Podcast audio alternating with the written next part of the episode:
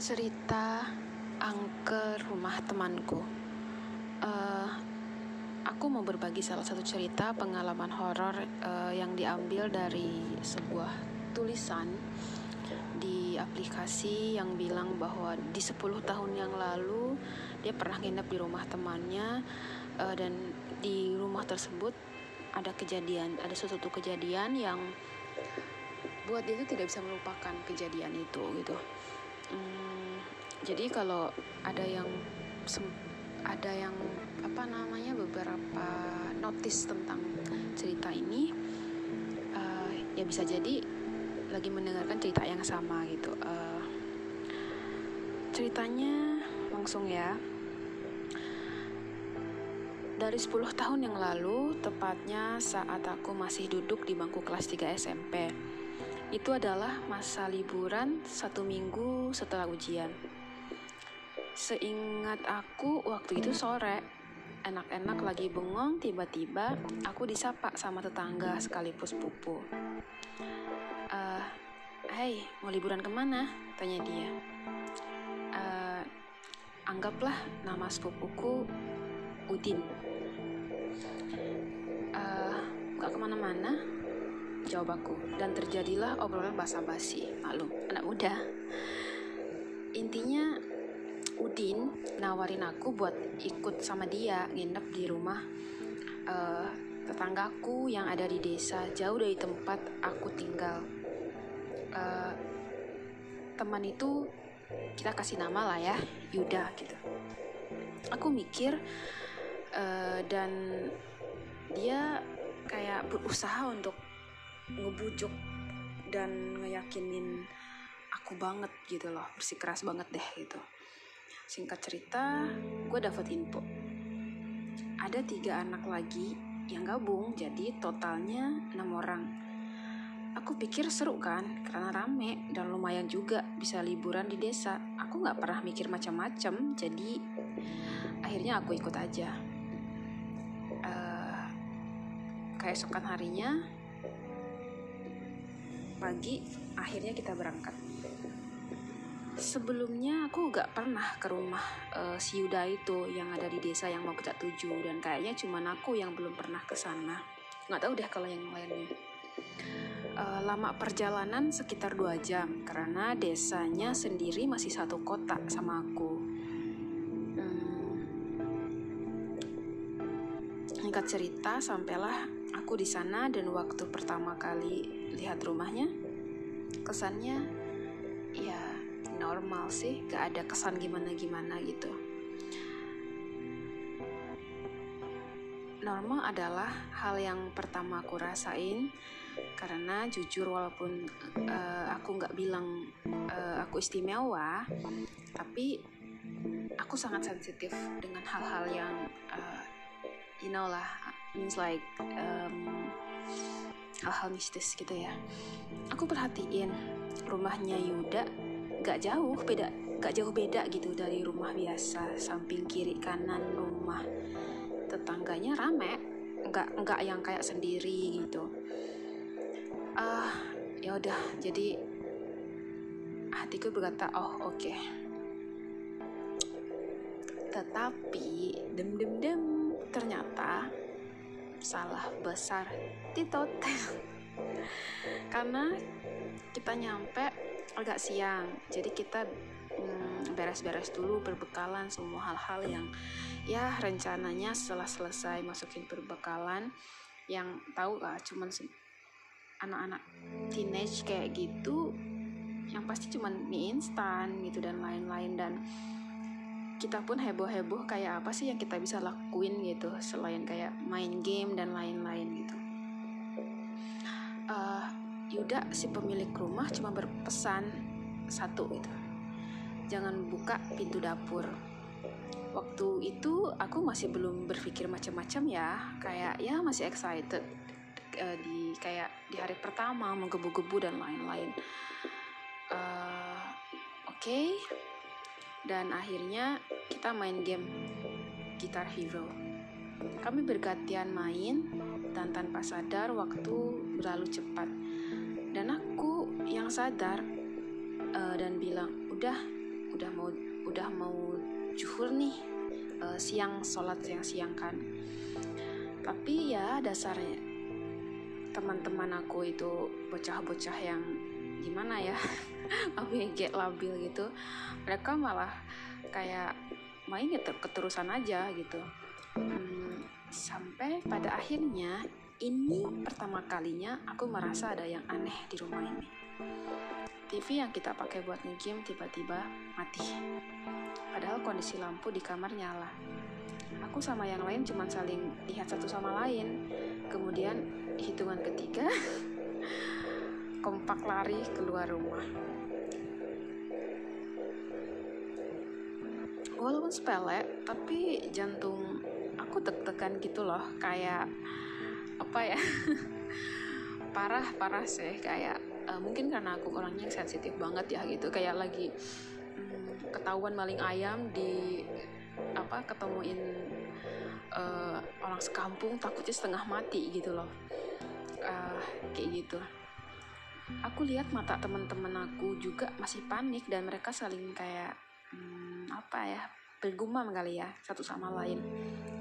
Tapi cuman aku yang kayaknya nggak ngerti apa yang mereka coba omongin sialnya aku belum curiga sampai sampai momen itu. Kayak ya udah sometimes kan kalau kayak sama teman-teman itu kalau sesuatu hal yang biasa aja karena kayak suka usil gitu loh dibikin dibikin heboh aja biar kayak suasana seru lah dan lain-lain tetap masih terpikir halnya seperti itu.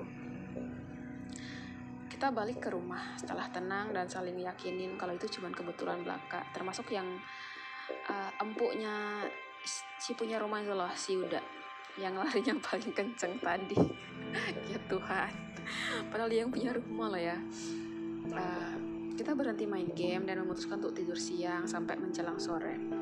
Gak ada yang terjadi selama waktu tersebut. Oke okay, fine gitu. Ya udah, aku pun jadi tenang-tenang aja. Singkat cerita, malam sudah tiba. Kayak seperti lain main werewolf ya. Malam telah tiba. Hal yang seharusnya aku tahu ternyata ada yang disembunyikan dari rumah itu. Semua anak udah pada mandi dan aku ke bagian mandi yang paling akhir. Tebat, uh, tebatnya, tepatnya sebelum maghrib lah ya. Sebelum aku lanjut ceritanya, aku mau kasih tahu siapa aja nama teman-teman aku. Uh, si Udin itu, si Yuda, sama namanya aku samarkan semua lah ya. Kayak ada Jali, Andri, Dayat dan aku. Sebelum azan maghrib langit udah mulai gelap dan aku pergi ke kamar mandi sedikit yang mesti lo pada tahu. Rumah ini terlalu seperti rumah biasa dari depan tapi dari keseluruhan rumah cuma dapur dan kamar mandi yang dibiarkan tetap kuno. Jadi temboknya dari bambu gitu loh. Setelah itu dapurnya masih beralaskan tanah dan kamar mandinya masih menggunakan sumur. Oh my gosh, mantap ya kan? Coba bayangkan deh. Yang kayaknya kalau sekarang udah sangat jarang kecuali di pedesaan sekali yang asri. Uh, setelah aku pikir-pikir, sedari aku tiba di rumah ini, aku baru sadar aku belum lihat sama sekali dapur dan kamar mandinya. Setelah dikasih tahu di mana lokasinya, yang ternyata dapur dan kamar mandi ada di area yang sama. Aku pun pergi. Tepat setelah aku buka pintu yang menuju dapur, lalu kamar mandi, aku, aku kaget karena di dapurnya yang super gede lengkap dengan tungku kayu bakar ada sebuah ranjang kosong. What hell? Kayak apa ya gitu aku coba mikir positif aja karena emang gak aneh. Ada ranjang di dapur karena rumah nenek aku aja yang di kampung kayak gitu. Kayak sometimes ada ranjang yang hanya untuk apa ya uh, sekedar dari bambu gitu kayak gitu gitu di sini aku juga baru sadar ada pintu di dekat almari di ujung ruangan dan aku sadar itu pintu yang diomongin Yuda pintunya kelihatan aneh. Kayak sengaja diganjal sama almari dan kalau dilihat pintunya mengarah ke halaman belakang. Yang gak gua tahu entah ada apa di sana, kamar mandinya di sebelah kiri dapur. Satu hal yang aku ingat, suasana dapur itu benar-benar bikin perasaan aku gimana ya kayak anyep gitu loh, kayak karena kan masih belum berpikiran negatif nih, jadi kayak ya aneh aja, nggak bisa bilang ada sesuatu, tapi kayak nggak tahu gitu gimana ngomongnya. Tapi setelah itu inilah kali pertamanya kesensitifan yang aku bilang itu yang bahwa aku tuh ada sedikit sesuatu yang lebih sensitif daripada hal lainnya di hal uh, mistis kesensitifan aku main lah di situ ada perasaan yang paling aku benci ketika badan aku yang uh, anget tiba-tiba berasa lemas tapi aku coba berpikir positif. Karena aku, aku tahu di sini pasti ada sesuatu gitu lah dan aku nggak mau ngusik mereka. Uh, sebenarnya bukan kenapa aku kayak selalu berpikir positif? Karena di semua tempat even di kota sekalipun hal itu pasti ada gitu. Cuman nggak tahu kayak ada yang emang udah di situasinya itu kayak udah menyatu sama kita gitu. Kadang yang uh, apa ya ada yang memang tempatnya itu nggak bisa diganggu sama sekali gitu loh uh, kayak gitu Oke, uh, selanjutnya. Selanjutnya adalah yang aku lakuin, aku mandi di sumur. Walaupun perasaan was-was, nggak enak, kayak semacam ada yang ngeliatin, tapi aku nggak tahu di mana gitu. Tahu nggak kalau kita udah perasaan takut itu hal semua tuh keluar semua loh gitu negatif-negatif itu. Setelah selesai mandi, aku keluar dari kamar mandi dan betapa kagetnya aku waktu lihat keranjang yang kosong ini Tiba-tiba di atasnya ada yang tidur. Gila nggak? Gak ada yang bisa aku ucapin waktu lihat itu. Wujudnya nenek-nenek tua berambut putih panjang dengan kebaya dan dia ngelihat ke arah aku. Tepat ke arah aku, jir ya Tuhan. Wallah takut takut. Dia cuma lihat sampai tiduran di atas ranjang itu mengangkat matanya mengikuti ke mana aku jalan. Yang paling serem, dia cuma senyum. Jantung aku udah gak karuan. Aku yakin dia bukan manusia. Tapi aku coba mastiin dan langsung tanya ke yang punya rumah si Yuda. Ketemulah aku sama si Yuda yang lagi sendirian di ruang tamu, lagi baca-baca komik. Aku bilang, kok kamu gak bilang ada nenek kamu di sini? Katanya rumahnya kosong. Terus dia ngeliat aku kayak ada keheranan terus bilang kosong kok kan bokap ke sini baru besok well fine kata aku dalam hati fix bukan manusia itu tadi udah tanya lagi apa maksudnya aku bilang ada neneknya dan dia ceritain kalau nenek kakeknya sudah lama meninggal. Aku cuma istighfar dan coba ngelup ngelupain senyum manis si nenek-nenek itu. Tapi kayaknya nggak mungkin deh karena setelah kejadian itu kesensitifan aku kayak mendadak meningkat berkali-kali lipat. Tau nggak sih kalau kayak udah ada mindset uh, negatif itu? Biasanya semua apa pun kayak yang uh, tersentuh dan tidak tersentuh yang terpikir sama tidak terpikir itu berlipat-lipat kali gitu loh ada muncul uh, Yuda pergi ninggalin aku di ruang tamu. Sementara aku sendiri dengar sesuatu yang datangnya dari luar. Tepatnya pohon jambu di depan rumah. Sebelumnya aku nggak merasakan apa-apa sama pohon jambu itu. Tapi kali ini berbeda. Aku mendekat ke jendela rumah dan mengemati apa yang ada di sana. Gak ada apa-apa, cuma halaman kosong. Tapi sialnya suara itu masih kedengaran. Suara seperti cewek yang sedang ketawa tipis, nyaris pelan sekali suaranya dan apesnya deh apesnya ya apesnya mata aku bergerak melihat ke atas pohon jambu dong aku cuma diem sepersekian detik sebelum sadar ada mbak-mbak baju putih sedang duduk santai di salah satu dahan pohon jambu matanya fokus ke mata aku dia kayak tahu kalau aku liatin dia dari balik jendela ruang tamu aku udah nggak bisa ngungkapin seberapa jebol jantung aku berdetak waktu itu. Gila nggak? Aku pergi dari sana dan gabung sama yang lainnya di ruang tengah. mereka masih main game waktu itu PS2 masih jadi barang mewah banget deh dan Yuda yang kebetulan punya jadi mereka nggak ada henti-hentinya main waktu itu maklum di rumah kita nggak pernah punya kan. Jadi sekalinya ada mainan wah kayak gimana gitu. Aku gabung tapi aku nggak cerita apa pun. Aku berusaha nggak cerita apa pun. Selain aku nggak mau bikin panik yang lain aku juga merasa nggak etis cerita begituan di saat aku datang ke sini sebagai tamu. Ya tahu kan? Tamu yang tamu baru yang sedang disambut para penghuninya gila. My gosh. Aku duduk nunggu giliran. Tapi tapi emang dasar nggak ada yang mau gantian. Akhirnya aku melipir ke kamar tidur. Kamarnya bisa dijangkau ke ruang tengah dan sengaja pintunya nggak aku tutup. Tapi sebelumnya aku udah pinjam HP Yuda. HP adalah barang yang sangat-sangat mewah saat itu. Aku tak atik isi HP-nya dan beberapa lagu, tapi aku malah fokus ke beberapa video. Aku yakin buat kalian masa SMP ada masa masa-masa paling indah gitu karena kita pengen serba tahu terus uh, video-video VGP yang paling booming dulu. Aku putar video yang menikmati adegan per adegan sampai aku baru sadar hal yang harusnya nggak aku lakuin adalah sendirian. Kayak pernah nggak sih kalian di masa-masa SMP itu kan masa-masa kayak pubertas dan lain-lain yang apa pun itu kita masih pengen tahu semua hal gitu dan itulah masa-masa aku pada waktu itu aku merasa seseorang seperti bernafas di tengkuk aku waktu itu aku di atas tempat itu dan posisi bisa melihat anak-anak main PS jadi seharusnya mereka juga bisa lihat aku kan Video masih diputar dan aku berusaha melirik apa yang ada di belakang aku. Dan aku bisa lihat.